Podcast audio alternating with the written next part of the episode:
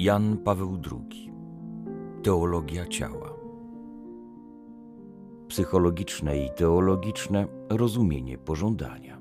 Pragnę krótko streścić dzisiejsze rozważanie, w którym poniekąd zamyka się już analiza samych słów tego zdania, jakie Pan Jezus wypowiedział w kazaniu na górze związku z przykazaniem nie cudzołóż.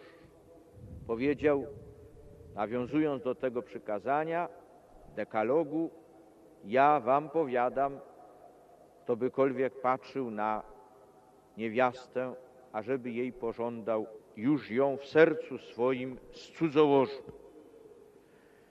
Otóż staraliśmy się przez szereg spotkań środowych przeanalizować dokładnie te słowa, niejako fragment po fragmencie, ażeby wydobyć, jaka głęboka prawda się w nich zawiera.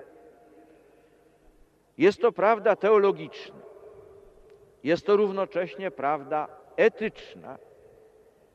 Oczywiście jest to także prawda psychologiczna, ale gdybyśmy zatrzymali się na samej psychologii, a nie uwzględnili wymiaru teologicznego i etycznego, oczywiście nie zrozumielibyśmy tych słów w pełni.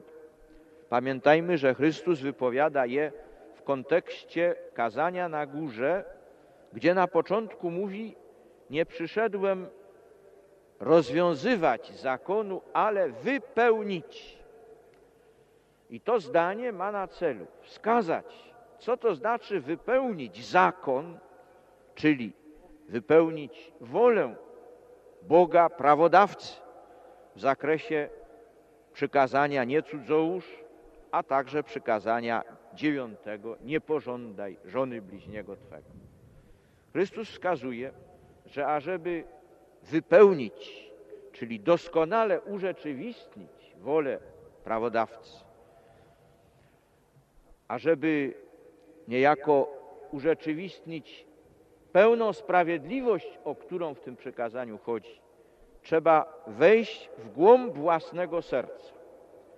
Trzeba odkryć na dnie tego serca tę rzeczywistość dziedziczną, która nazywa się porządliwością, w szczególności porządliwością ciała. I trzeba z kolei, mając świadomość, że taki jest grunt naszego wnętrza, trzeba na tym gruncie budować głęboki stosunek człowieka do człowieka, osoby do osoby, mężczyzny do kobiety. To się odnosi oczywiście do małżonków, nawet w sposób szczególny. Natomiast odnosi się również do wszystkich ludzi, mężczyzn i kobiet. Życie ludzkie upływa wymiarze koedukacyjnym. I dlatego to ciągłe czuwanie nad swoim sercem, nad swoim wnętrzem, a w konsekwencji także nad swoim ciałem, ponieważ chodzi o porządliwość ciała w szczególności, jest rzeczą nieodzowną, jeżeli chcemy kształtować życie nie tylko osobiste, nie tylko małżeńskie, nie tylko rodzinne, ale także całe życie społeczne w duchu etosu ewangelicznego, w duchu kazania na górze.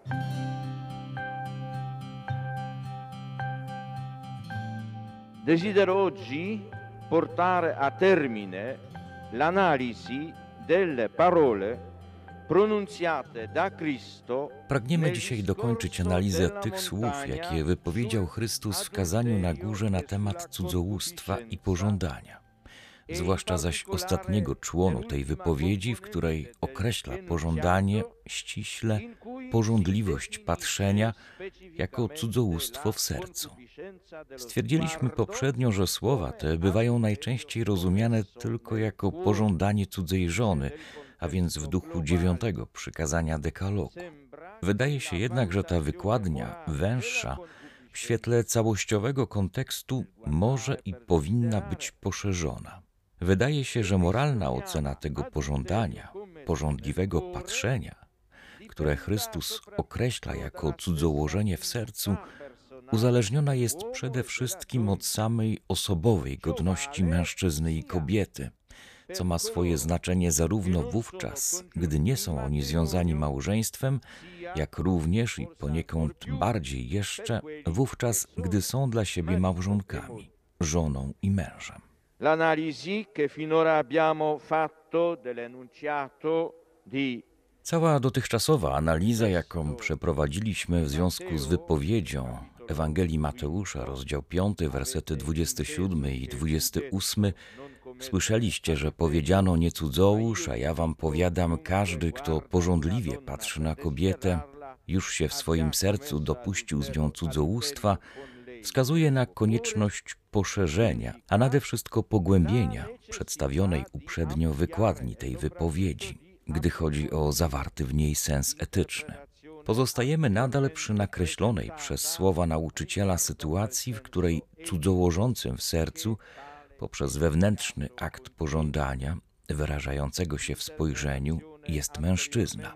Znamienne, że Chrystus, mówiąc o przedmiocie tego aktu, nie akcentuje, że jest nim cudza żona lub kobieta nie będąca własną żoną, ale mówi ogólnie kobieta. Cudzołóstwo w sercu nie sprowadza się do tych granic międzyosobowego odniesienia, które pozwalają zidentyfikować cudzołóstwo w ciele. Nie one wyłącznie i zasadniczo stanowią o dokonaniu cudzołóstwa w sercu, ale sama natura owego pożądania, które wyraża się w tym wypadku we wzroku, w tym, że ów mężczyzna, o którym dla przykładu mówi Chrystus, pożądliwie patrzy. Cudzołóstwo w sercu dokonuje się nie przez to tylko, że w taki sposób patrzy na kobietę, która nie jest jego żoną, ale przez to, że w taki właśnie sposób patrzy po prostu na kobietę. Jeżeli by w ten sposób patrzył na kobietę, która jest jego własną żoną, również dopuszczałby się cudzołóstwa w sercu. Questa interpretazione sembra prendere in considerazione in modo più ampio Wykładnia ta zdaje się w sposób pełniejszy uwzględniać to, co w całokształcie niniejszych analiz zostało powiedziane na temat porządliwości, a przede wszystkim na temat porządliwości ciała jako stałego elementu grzeszności człowieka. Pożądanie, które jako akt wewnętrzny rodzi się z tego podłoża, jak to staraliśmy się szerzej ukazać w poprzedniej analizie, zmienia samą intencjonalność bytowania kobiety dla mężczyzny, redukując osobowo-komunijne bogactwo odwiecznego wezwania, owej dogłębnej fascynacji męskością i kobiecością w kierunku zaspokojenia samej seksualnej potrzeby ciała, z czym zdaje się najbliżej kojarzyć pojęcie popędu. Przy takiej redukcji osoba, w tym wypadku kobieta, staje się dla drugiej osoby, mężczyzny, przede wszystkim podmiotem możliwego zaspokojenia własnej potrzeby seksualnej. Zniekształceniu ulega owo wzajemne dla, które traci swój charakter osobowo-komunijny na rzecz charakteru utylitarnego. Mężczyzna, który patrzy w taki sposób, jak to czytamy w Ewangelii Mateusza, rozdział 5, wersety 27 i 28, posługuje się kobietą, jej kobiecością dla zaspokojenia własnego popędu. Chociaż nie czyni tego w sposób zewnętrzny, już wewnętrznie przyjął taką postawę. Wewnętrznie o niej zdecydował w odniesieniu do określonej kobiety. I na tym właśnie polega cudzołóstwo w sercu. Takiego cudzołóstwa w sercu może dopuścić się mężczyzna również w stosunku do własnej żony, jeśli traktuje ją tylko jako przedmiot służący do zaspokojenia popędu. Nie sposób dojść do tej drugiej wykładni słów z Ewangelii Mateusza, rozdział 5, wersety 27 i 28, jeśli ograniczymy się do czysto psychologicznej interpretacji pożądania, nie uwzględniając tego, co stanowi o jego specyfice teologicznej, czyli organicznego związku pożądania z porządliwością ciała, jako stałą poniekąd dyspozycją wynikającą z grzeszności człowieka. Sembra Wydaje się, że owa czysto psychologiczna czy też seksuologiczna interpretacja pożądania nie stanowi wystarczającej podstawy dla zrozumienia odnośnego tekstu skazania na górze. Jeżeli zaś odwołamy się do interpretacji teologicznej, wówczas nie naruszając tego, co w wykładni pierwszej pozostaje niepodważalne, trzeba przyjąć wykładnię drugą jako pełniejszą. Dzięki tej wykładni bardziej jasny staje się również sam etyczny sens owej kluczowej wypowiedzi skazania na górze, której zawdzięczamy właściwy kształt etosu Ewangelii. Nel delineare questa dimensione, Rysując ten kształt, Chrystus pozostaje wierny prawu. Nie sądźcie, że przyszedłem znieść prawo albo proroków. Nie przyszedłem znieść, ale wypełnić. Natomiast ukazuje konsekwentnie, jak głęboko trzeba sięgnąć, jak gruntownie trzeba odsłonić tajniki ludzkiego serca, ażeby to serce mogło stać się miejscem wypełnienia prawa. Wypowiedź z Ewangelii Mateusza, rozdział 5, wersety 27 i 28, która odsłania wewnętrzną perspektywę cudzołożenia w sercu i z tej perspektywy ukazuje właściwe drogi wypełnienia przykazania nie cudzołóż, jest na to szczególnym dowodem, bo też dotyka ona dziedziny, w której szczególnie chodzi o czystość serca. Jeszcze w innym miejscu będziemy mieli sposobność wypowiedzieć na ten temat, jak przykazanie nie cudzołóż, które w swoim brzmieniu i treści jest jednoznacznym i surowym zakazem, wypełnia się właśnie przez czystość serca. O surowości i sile zakazu świadczą pośrednio dalsze słowa tekstu skazania na górze, w którym Chrystus mówi obrazowo o wyłupaniu oka i odcięciu ręki, jeśli są one powodem do grzechu. Widzieliśmy uprzednio, że prawodawstwo Starego Testamentu obfitowało w przejawy surowości, równocześnie jednak nie przynosiło ono wypełnienia prawa. Nacechowane było w swej kazuistyce wielorakim kompromisem z porządliwością ciała.